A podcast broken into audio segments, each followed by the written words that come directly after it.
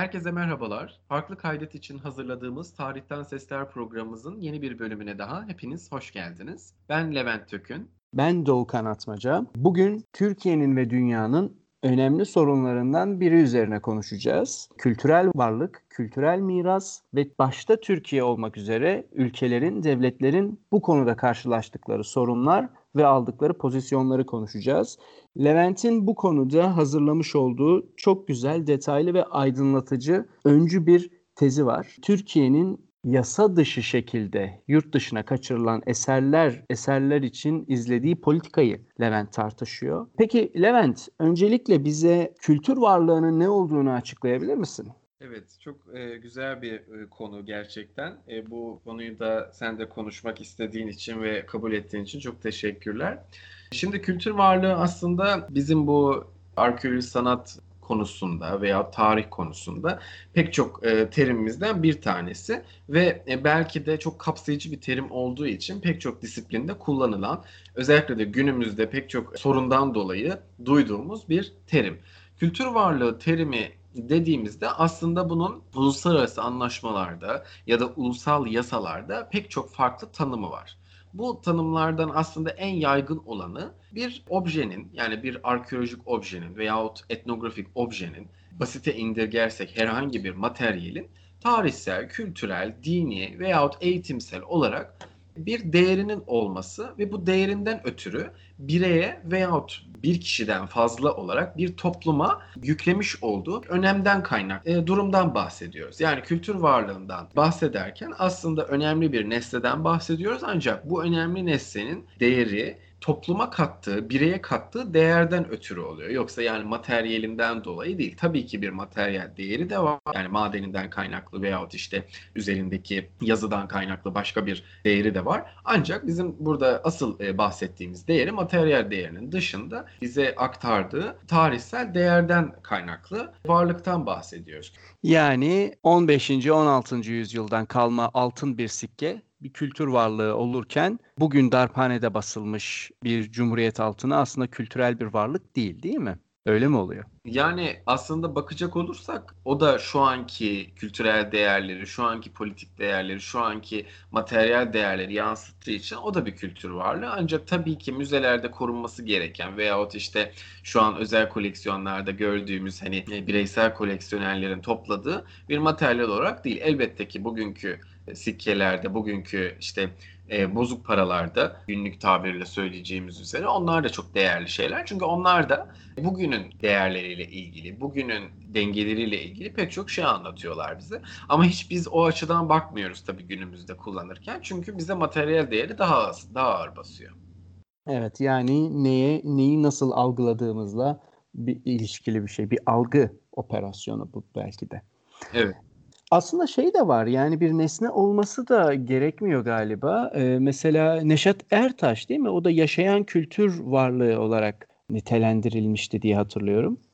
Evet evet yani UNESCO'nun öyle bir e, uygulaması da var. Toplumların önemli bireylerini tabii bu önemlilik dediğim gibi bu ünlü olmasından kaynaklanan bir önemlilik değil. Elbette ki onun da payı var ama pek çok tanımadığımız insan da mesela başka ülkelerde yani bizler tarafından tanınmıyor ama yaptığı iş gerekçesiyle bir kültür elçisi olarak adlandırılıyor. Yaşayan kültür mirası olarak adlandırılıyor. Buradaki e, kıstas da çok basit basite indirgeyerek şöyle söyleyebiliriz ki toplumların değerlerini, çeşitli yargılarını bir zamandan bir zamana taşıyan insanlar ve onları bir hani böyle sembolize ederek gösteren, bunların devamlılığını sağlayan insanlara verilen bir paye aslında. Buradan da kendisini anmış olalım. Nurlar içinde yazsın nurlar içinde yatsın. Benim asıl sana sormak istediğim önemli sorulardan birisi Levent. Senin bu çalışmanın sonucunda bize bir Türkiye ve kültür ilişkisine dair bir profil ortaya çıkarmak mümkün mü? Tabii yani e, benim bu yüksek lisans tezindeki aslında spesifik bir konum vardı. Yani e, aslında tabii ki benim üzerine eğildiğim konunun da çok ayrı dalları var ve onlar da çok kendi kendi başlarına birer tez olabilirler. Ancak benim yaptığım konuda yasa dışı yollardan hani Anadolu'dan yani şu anki Türkiye Cumhuriyeti topraklarından yurt dışına bir şekilde çıkarılmış eserlerin geri getirilmesi üzerineydi tez.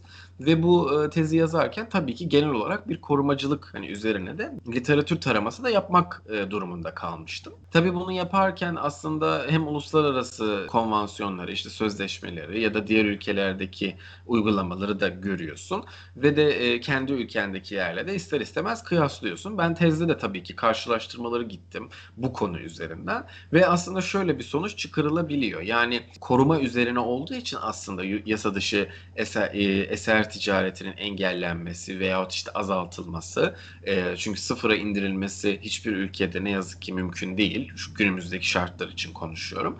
E, ancak azaltılması veyahut işte topluma zararının ve devlete zararının en aza indirgenmesi açısından şu şekilde hani e, bazı genellemeler yapılabiliyor. Şimdi bizim ülkemiz gibi ülkeler kaynak ülke sayıldığı için çünkü kültürel bakımdan çok farklı toplulukların, farklı medeniyetlerin, işte dinlerin neyse farklı zamanlarda yaşadıkları bir arena olduğu için, bir saha olduğu için Anadolu toprakları çok zengin ve pek çok alıcısı olan bir kaynak ülke. Şimdi tabii bu kadar çok alıcıya, bu kadar çok talebe karşılık bir tabii arz da ne yazık ki meydana geliyor. Şimdi bunun engellenmesi için hani devletin yapabilecekleri pek çok konuda olduğu gibi sınırlı. Çünkü gerek Kültür Bakanlığı'nın bütçesi olsun, gerek personel sayısı olsun bir azlık e, söz konusu. Bu açıdan yasalarımızda mesela çok büyük bir açık olmamasına rağmen, çok fazla problem olmamasına rağmen tabii ki problemli yanları var. Bunu zaten hemen hemen herkes kabul ediyor ve düzeltmek için uğraşıyor. Fakat işte iş, iş yasayla bitmiyor. Veyahut sadece yasa koyucuların, onların uygulayıcılarının, işte düzenleyicilerin yaptıklarıyla ne yazık ki iş bitmiyor. Çünkü zaten öyle bitseydi pek çok ülkede sıfıra indirgenmiş olurdu bu sorun. Ama ne yazık ki toplumların en küçük bireyinden yani bir kişiden itibaren başlayacak şekilde toplumların bilinçlenmesi ve kendi e, varlıklarına, kendi mirasına, kendi değerlerine sahip çıkmasıyla ilgili. Tabii bu e, kendi tırnak içinde söylüyorum. Çünkü bizim ülkemizde da biraz önce de söylediğim gibi çok farklı medeniyetlerin çok farklı türde eserleri var. Yani işte senin de bildiğin gibi anıt mezardan, seramik eserlerden, e, değerli madenden eserlere vesaire bir sürü farklı şekilde eserler var. Tabii bu eserler olduğu için de pek çok farklı bilgi, pek çok farklı medeniyetin bize e, sağlamış olduğu bu kültürel varlıkları da ülkemizin çok çeşitli yerlerinde ortaya çıkıyor. E bunun sonucunda da belki de bizim sahiplenmediğimiz pek çok medeniyet de ister istemez etrafımızda oluyor ve insanlarımız veyahut işte diğer ülkelerdeki insanlar da bu eserleri kendi kültüründen görmüyorlar. Bu tabii iyi bir şey ya da kötü bir şey olduğu için söylemiyorum. E, tabii ki bana göre kötü bir şey. Ama bu eserlerin e, dışlanma olayı veya işte sahiplenilmemesi olayı ne yazık ki ülkemizin pek çok köşesinde görülüyor. Tabii bu demek değildir ki sahiplenen insan yok. Hayır var. Sen, ben yani pek çok insanımız Yine Anadolu'nun en ücra köşesinden şehrine kadar sahiplenen pek çok insanımız var. Senin de bildiğin gibi gönüllü bekçiler olsun, ihbarcılar olsun vesaire pek çok bunun örneğini görebiliyoruz. Ama ne yazık ki yeterli değil. Çünkü o kadar çok bizim e, kültür varlığımız var ki yani gerek taşınır gerek taşınmaz şekilde o kadar çok varlık var ki ne yazık ki biz bunları korumada, sahiplenmede yeterli çalışmayı istesek de istemesek de yapamıyoruz. Bunun pek çok örneğini görüyoruz ve içimiz içimiz acıyor. Bunun da bir şekilde önüne geçilmesi için aslında toplumumuzun tabii ki bu kolluk kuvvetleriyle veyahut işte bakanlıkla daha yakından temas edip daha korkmadan veyahut işte aman bunu da kale almazlar, bunu da dikkat etmezler de, demeden bir şekilde bildirip en azından vatandaşlık görevini yapıp veyahut işte orada burada konuşulduğunda o da bizim o, o da bizim eserimiz. işte bunu da korumalıyız. Niye öyle yapıyorsunuz gibi. Çok basit, belki dinleyicilerimizin güleceği fakat aslında çok da etkili olan çünkü dünyanın neresine giderseniz gidin böyle sorunların olduğunu bildiğimiz için bu şekilde bir nevi arkadaş çevrenizde başlayacak olan farkındalıklarla aslında biz bu sorunu gidermeye çalışacağız ya da aza indirgemeye çalışacağız. Peki sonda sorulacak soruyu başta sormak istiyorum ki e, daha sonra içini dolduralım. Türkiye'nin bu konumuna 10 üzerinden kaç verirsin? Yani Türkiye'nin koruma politikaları ne kadar etkili? Böyle bir E, değerlendirme yapacak olursak bu elbette ki e, yani havada kalacaktır birçok yönden. Fakat bir fikir olması için dinleyicilerimize.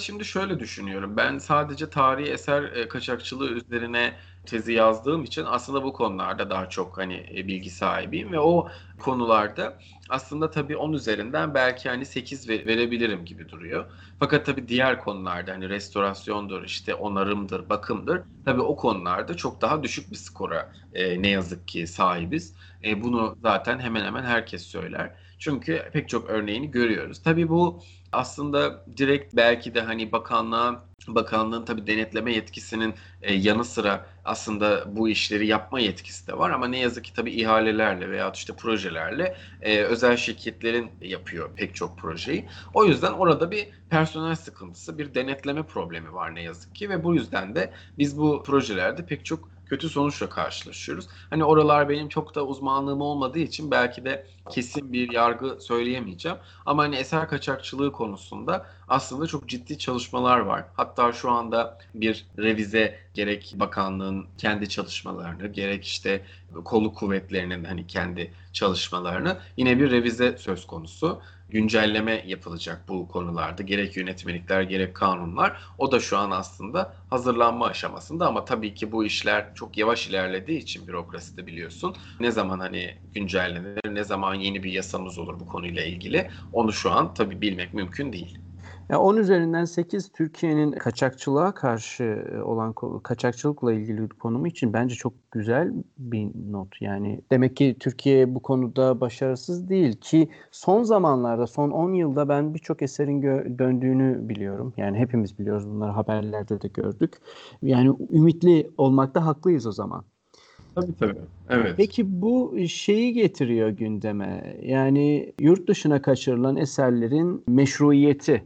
Yani British Museum, işte Berlin'deki Bergama Müzesi, Louvre Müzesi diyor ki bunlar 100 yıldır, 150 yıldır burada.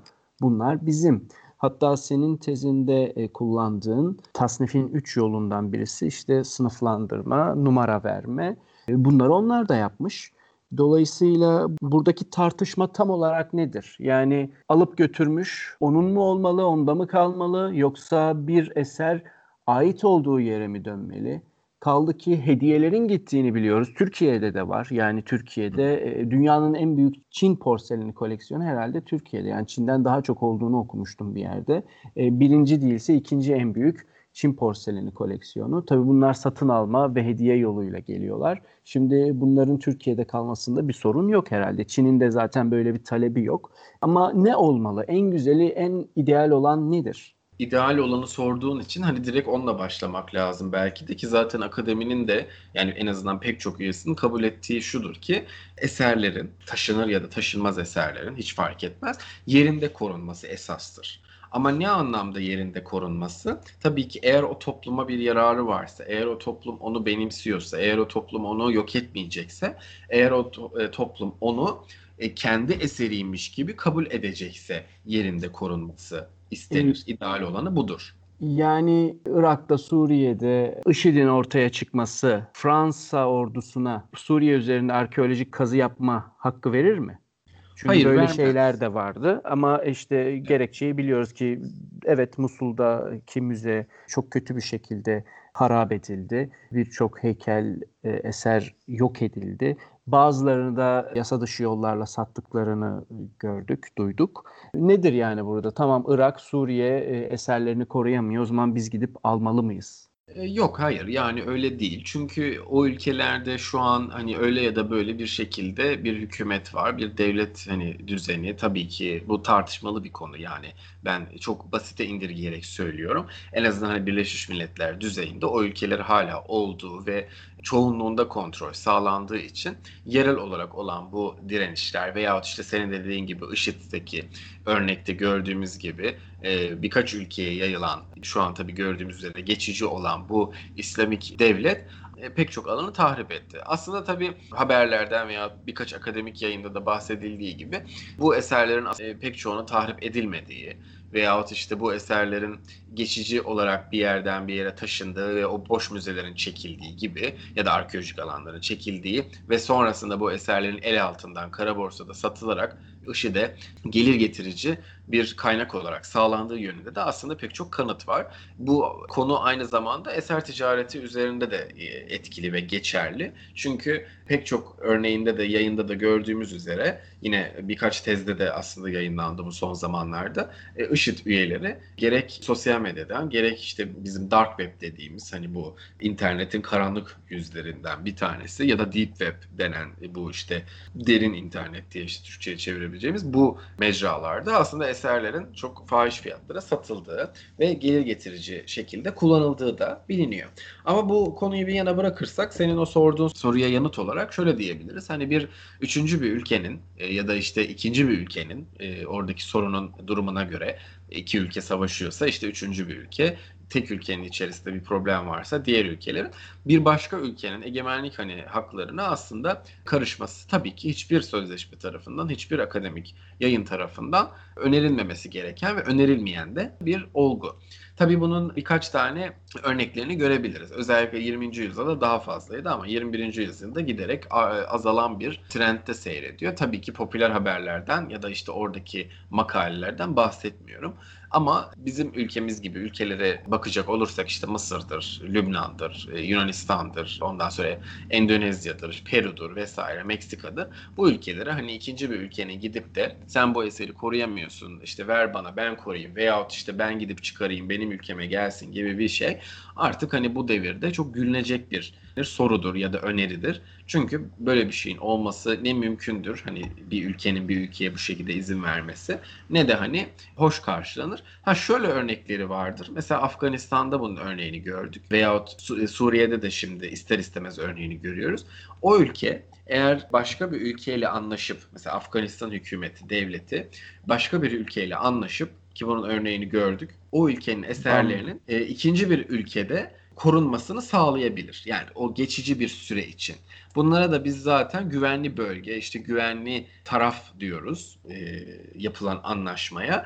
Bu ikinci bir ülkede veya üçüncü bir ülkede sorunun taraflarına bağlı olarak korunabiliyor bu eserler ama geçici bir süreyle ve de her iki tarafında oluru alındıktan sonra. Ancak onun dışında Suriye'ye işte Fransa ordusundan arkeologların gidip ya da işte gizli olarak bir, bir şekilde oraya gidilip oradan eser kaçırılıp işte biz bu eserleri korumak için ülkemize getirdik gibi bir tavır aslında kabul edilmeyen bir tavır ve e, hiçbir şekilde geçerliliği de yok. Çünkü biz bunu daha önceki yıllarda da yani 20. yüzyılda da hatta 19. yüzyılda bile örneklerini e, karşıladık ki bu da aslında emperyalizmin yollarından bir tanesi olarak karşımıza çıkıyor. Peki yani ne olacak o zaman? Louvre Müzesi, British Museum yani Londra'ya giden bir turist ilk gününde British Museum'a gidiyordur. Eminim bundan.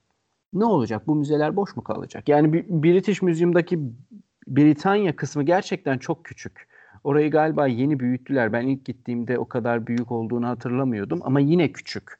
Yani oranın biliyorsun e, Yunan kısmı var, e, Mısır kısmı var. Yani koskoca bir galeri. Ne olacak burası? Koskoca müze boş mu kalacak peki? Yahut buradaki tartışma ne? Ben geçtiğimiz iki yılda gazetelerde şunları okudum. Aslında İngiltere'de genel olarak müzeler, Victoria Albert ve British Museum gibi önemli, dünyanın önemli ve başlıca müzeleri mesela Sudan'la ve Amerikan yerleriyle anlaşma yoluna gitmeye başladılar. İşte aidiyeti bizde kalsın, yani yine bizim olsun ama geri gönderelim sizde kalsın. Fakat Sudan hükümeti bunu istememiş mesela. Hayır, bizimdir. Aidiyeti de bizde olmalı. Sahibi de biz olmalıyız ve bizim ülkemize geri göndermelisiniz gibi. Bu tartışma için ne diyebiliriz? Yani kim haklı birazcık zaten cevaplamış oldun bunu. Fakat nereye varır bu iş? Nasıl çözülür? Yahut diğer ülkelerde durum ne? Türkiye'nin tezleri konuda. Türkiye ne kadar güçlü tez ortaya koyuyor? aslında çok önemli bir soru sordun. Hani bu gerçekten konuyu toparlayıcı veyahut işte daha somut örnekler vermemizi sağlayacak bir soru. Çünkü e, öncelikle ilk e, sorundan başlayayım. Yani işte birkaç soru e, çıkartılabilir bu genel sorudan. Şimdi hani British Museum yani işte Britanya Müzesi veya işte Louvre Müzesi gibi bu ta hani imparatorluk zamanından gelen müzeler ki bunlar çok eski müzeler işte dünyanın ilk müzeleri. Bu müzelerdeki koleksiyonlar senin de dediğin gibi pek çok e, farklı medeniyetin, pek çok farklı coğrafyanın birleşmesiyle ortaya çıkan devasa koleksiyonlardan bahsediyoruz. Yani binlerce değil, e, on binlerce eserden bahsediyoruz burada. Bu e, konuda aslında Britanya Müzesi'nde şöyle bir yaklaşımda bulunuyor. Yani senin dediğin o iddiaları da ortaya atanlar var. Yani müzelerimiz işte boş mu kalacak veyahut işte ne olacak bu müzelerin hali gibi. E, ileride eğer bu eserler geri verilirse. Şimdi zaten ortada şöyle bir olgu var. Şimdi birincisi her ülke zaten her eserini geri istemiyor. Yani bir önceki aslında konuşmamızda da yine senin bahsettiğin gibi yani hediye eserler, satın alınmış eserler, yasal olarak yani bir ülkeden bir ülkeye gitmiş eserler. E, bu eserler zaten yine oldukça fazla sayıca da kalite olarak da gayet koleksiyonlarca hani eser var ve bu eserlerin bir kısmı da müzelerde tabii ki. Şimdi bu eserler zaten müzeleri e, dolduracak hatta taşıracak şekilde karşımıza çıkıyor yani sayıca. Ve kaliteleri de aynı şekilde. Yani bu eserler öyle kırık, ondan sonra işte eksik, yırtık, değersiz şeylerden bahsetmiyoruz. Yani mutlaka bunlar da oldukça önemli eserlerden bahsediyoruz. Şimdi bu bir olgu. Bunun, bunun yanı sıra yasa dışı yollardan başka ülkelere gitmiş, işte bu bahsettiğimiz İngiltere, Fransa gibi ülkelere gitmiş eserler de tabii ki mevcut. Fakat bu eserler gerek zaman aşımı, gerek o ülkelerin o eserlerle bir ilgisi kalmaması veya istememesi geriye kaynak ülkeden giden eserlerden bahsediyorum. O yüzden onlar da ülkelerde kalabilir. Yani British Museum'daki yani bu Britanya Müzesi'ndeki gidip gördüğünüz işte eserlerde e, Louvre Müzesi'nde gidip gördüğünüz eserlerde oralarda yine e, belki Mısır'ın geri istememesi üzerine, Yunanistan'ın geri istememesi üzerine, işte Türkiye'nin geri istememesi üzerine ya da isteyememesi üzerine oralarda kalabilecek eserlerden bahsediyoruz. Nitekim şöyle bir açıklaması vardı benim izlediğim bir belgeselde. Atina'daki işte Parthenon heykellerini, oradaki frizleri zaten hepimiz biliyoruz. En ünlü örneklerinden bir tanesi. Bu da e, Britanya Müzesi'nde kendine özel zaten bir bölümü olan gayet ünlü müzenin en çok e, ziyaretçi çeken yerlerinden bir tanesi.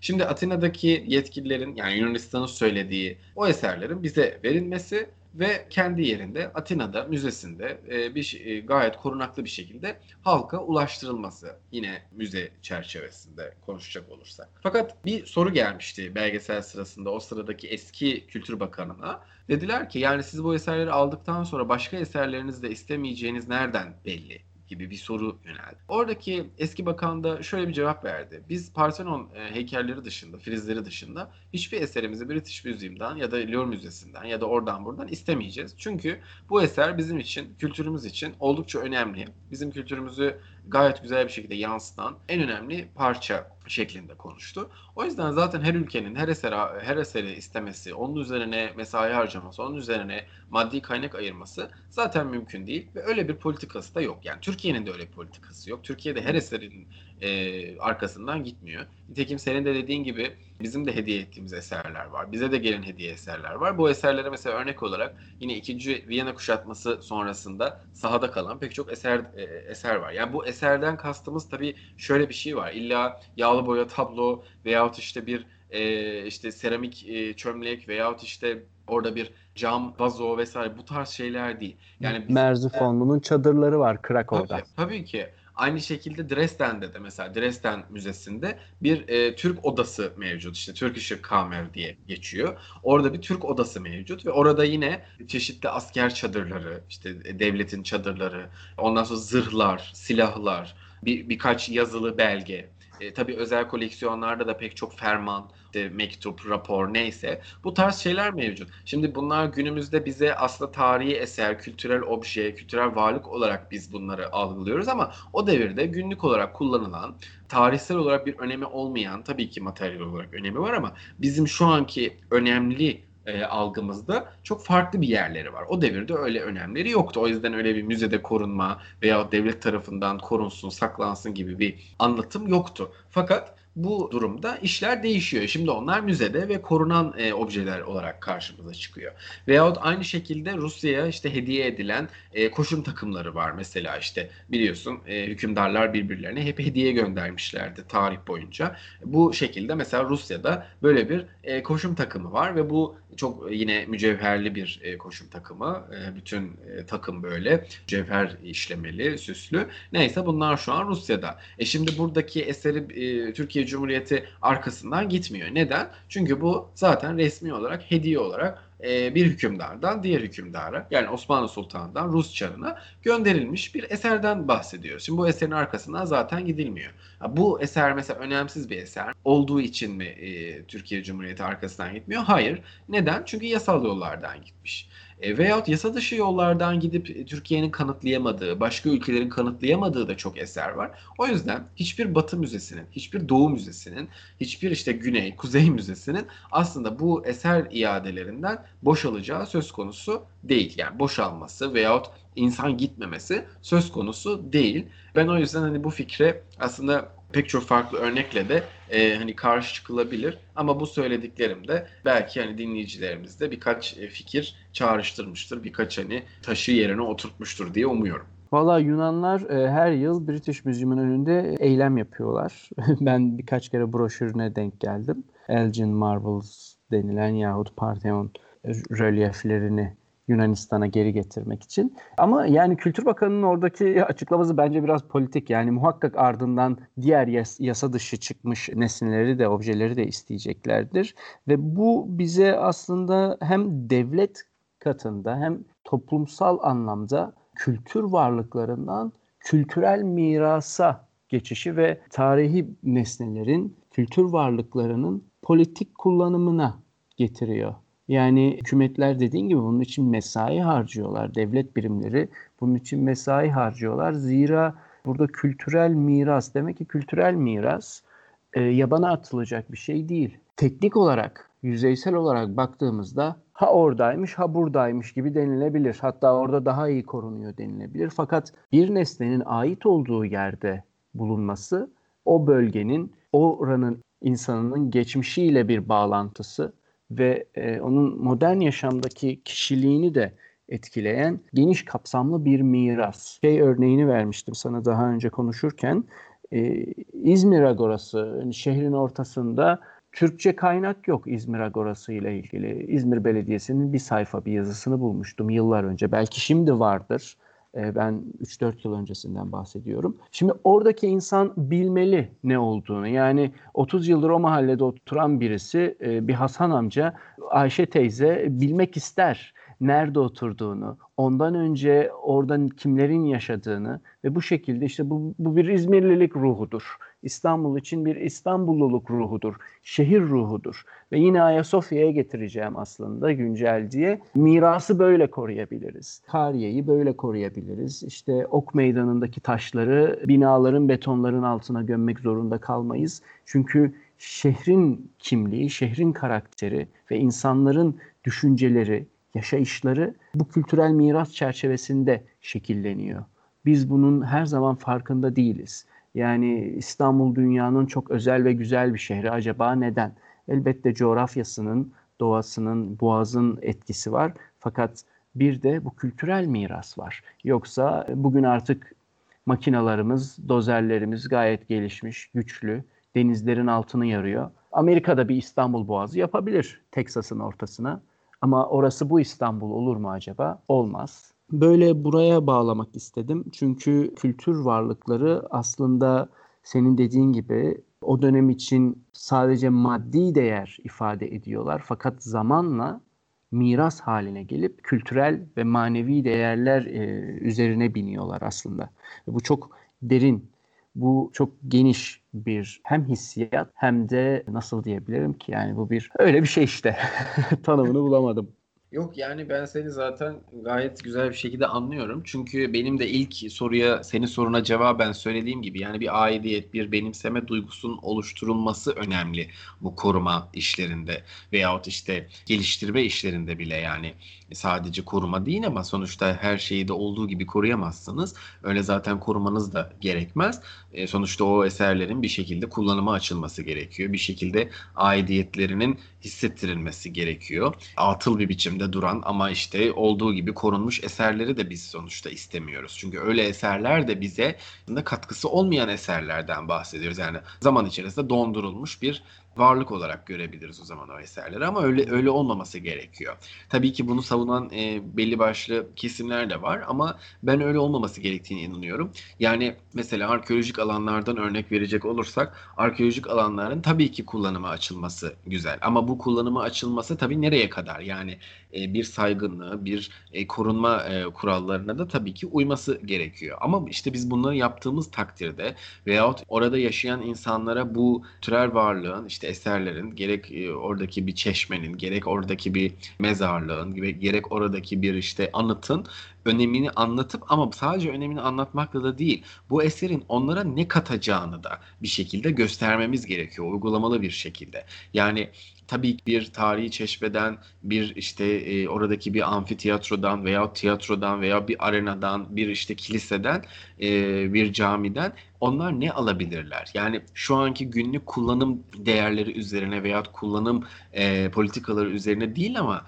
genel olarak ne alabilir? Hangi bilgiyi alabilirler? Yaşadıkları çevre hakkında ne kolaylık sağlayabilir mesela o anıt veyahut işte oradaki kilise, oradaki cami neyse. Bunların e, aslında çok iyi bir şekilde anlatılması ve bir şekilde gösterilmesi lazım. Ama tabii ki bu söylediğimiz şeyler hep ideal e, şeyler. Çünkü e, günümüzde biliyoruz ki hepimizin çok farklı e, koşuşturmacaları, dertleri, ne yazık ki düşünceleri var. Fakat tabii bu her ülkede var. Yani hiçbir ülke yok ki sorunsuz, ondan sonra güllük gülistanlık, hiçbir kavganın, gürültünün olmadığı, hiçbir ekonomik sıkıntının olmadığı bir ülke ne yazık ki yok. Yani herkesin mutlaka kişisel, toplumsal bir travması, bir sorunu var. Ama e, gerek devletlerin yardımıyla, gerek sivil toplum kuruluşlarının yardımıyla, gerek insanların eğitimle bilinçlendirilmesiyle, bu sadece e, ek kurslar veyahut işte e, bilinçlendirme çalışmaları açısından demiyorum. Yani bildiğiniz eğitim sisteminin içerisine yerleştirilen bir çeşit bilinçlendirme uygulamaları kapsamında, dersler kapsamında verilen eğitimden kaynaklı birçok ülkede aslında e, gerek batı gerek doğu sadece batıda e, güzel örnekler yok tabii ki. Bunların örneklerini görüyoruz. Ama ne yazık ki ülkemizde daha önce de söylediğimiz gibi e, yeterli sayıda, yeterli oranda değil. Ne derdin var Levent? Ne derdin var? şey aslında tezinde değindiğin önemli bir nokta daha var. Anladığım kadarıyla Avrupa'da Avrupa bu konuda daha ileride gibi görünüyor. En azından sen 17. yüzyılda böyle korumacılık, kültürel mirası sahiplenme anlamında e, adımlar atıldığını, bunların böyle işaretlerini bulmuşsun, emarelerini.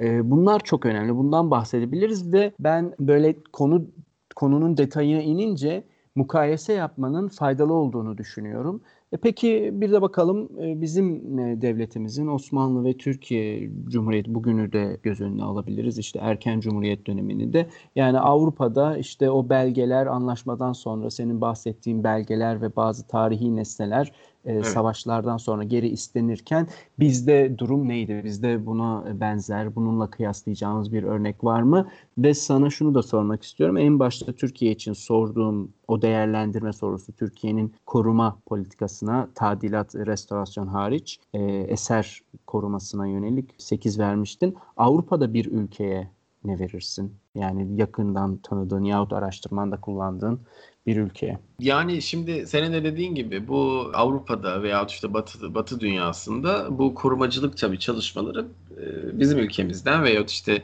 Osmanlı'dan çok daha önce başlayan konular. E, beyin fırtınaları, çeşitli düşünürlerin görüşleri vesaire. Aslında ta işte Roma'ya kadar uzanan bir yapısı var. Ama bunlar kurumsal olarak düzenlenmiyor tabii ki. Yani belli başlı kurallar var. Gerek yazılı gerek sözlü. İşte e, ganimet kuralları vardır orduda. Ondan sonra işte ki bu Roma öncesinde de vardır ama Roma İmparatorluğu'nda daha böyle resmi bir şeye kavuşuyor.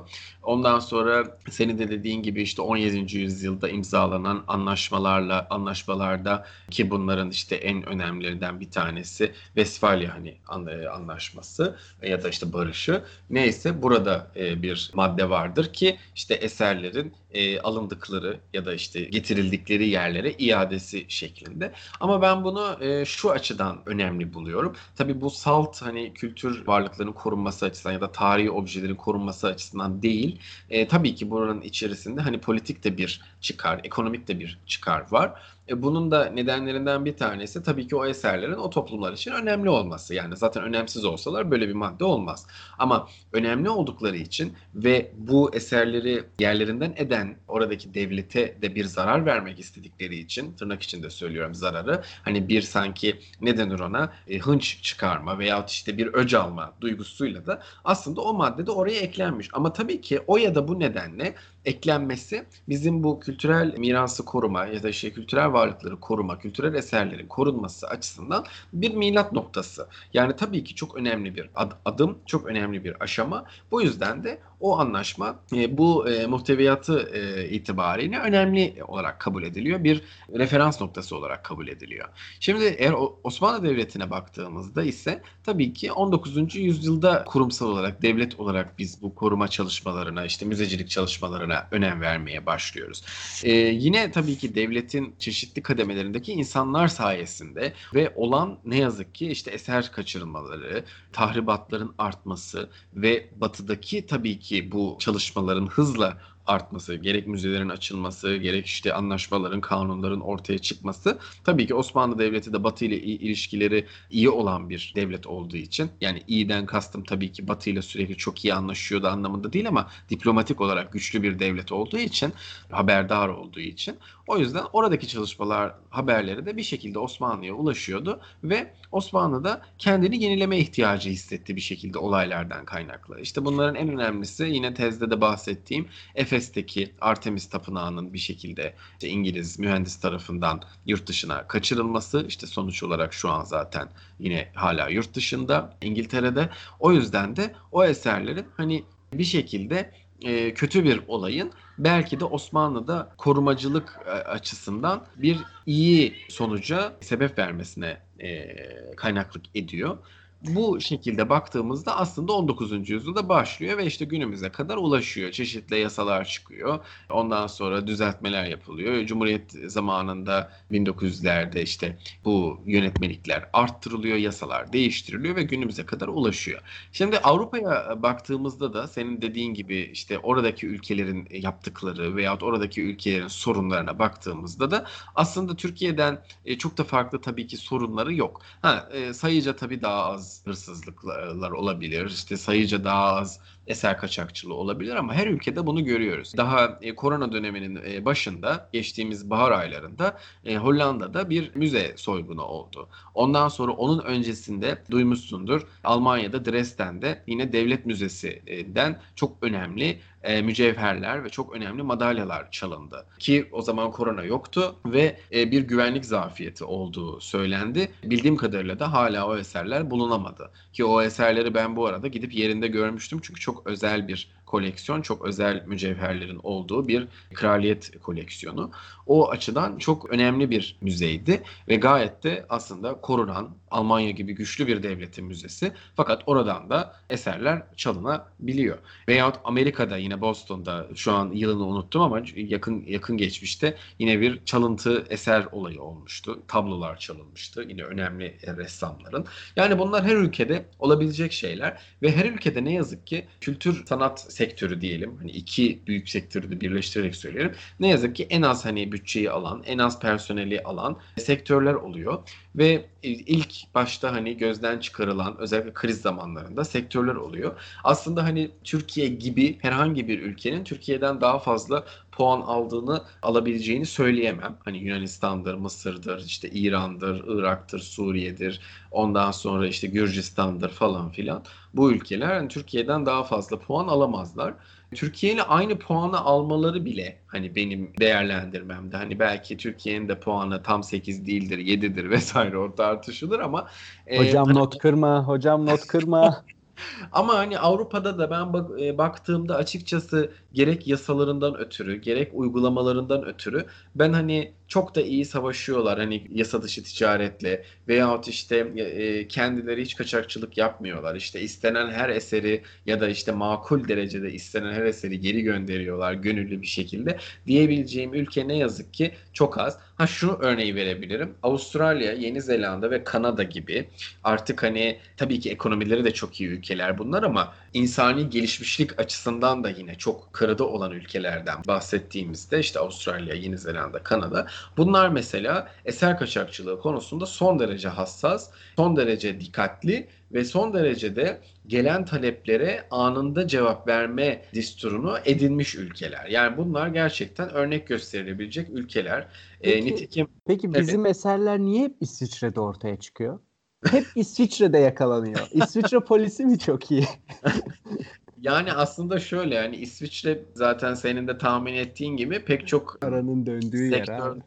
Evet yani pek çok sektöre açık, pek çok sektörü hani e, tırnak içinde söylüyorum kanunsuz e, şekilde ülkesinde barındırmayı seven bir ülke. Yani kanunsuz o anlamda kanunsuz değil ama rahat anlamında söylüyorum. Evet sorgusu halsiz. Aynen sorgusu halsiz. Yani çok fazla etli sütlüye karışmadan edenin ev sahipliği yapan bir ülke. Zaten hiçbir biliyorsun savaşa da girmeyen bir ülke. Çok uzun yıl e, hatta yüzyıllardır. Ondan sonra tabii bu açıdan bakılınca İsviçre'ye eserlerin gidip orada bir şekilde tutulup hani bir yıl, iki yıl, bazen on yıl, bazen yirmi yıl eserlerin hani unutturulup oradan eserlerin tekrar satılması veya oradaki koleksiyonlara girmesi çok mümkün ve bizim de eserlerimizin bir kısmı orada çıkıyor e, ve oradan geri geliyor. Şu ana kadar hani çıkıp da geri gelmeyen ve süreci e, başlatılmış aslında bir tane benim bildiğim eser var. Onlar da e, bir şekilde mahkemenin işte farklı yorumlamasıyla bizim şu anki yürürlükte olan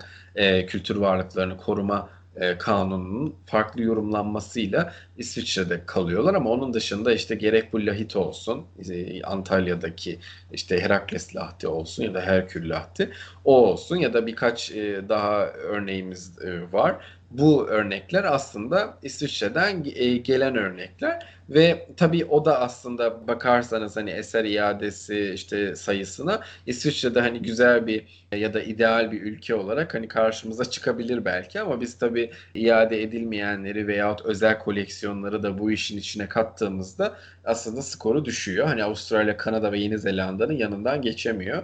Çünkü bu ülkeler onu söylüyordum biraz önce. Sizin talebinize bakmaksızın yani siz Türkiye olarak Avustralya'da bir eserim var hani bana verin gibi bir talepte bulunmadan size o eseri göndermeye çalışan ülkeler. Yani zaten gümrükleri çok sıkı, kesinlikle hiçbir şeyi kabul etmiyorlar yasa dışı olan e, veyahut yasa, yasa dışı şüphesi olan. Fakat eğer daha önce gelmiş eserler varsa hani e, yüzyıllara tabii e, dayanan bir şeyden bahsediyoruz burada, olaydan bahsediyoruz.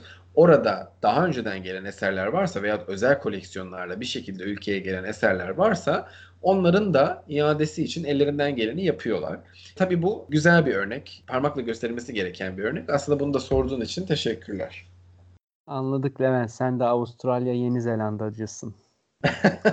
yani yıldızlı onu verdin. Orada okuduğum için demiyorum ama bu konuda iyiler evet. İçimizdeki Avustralyalı.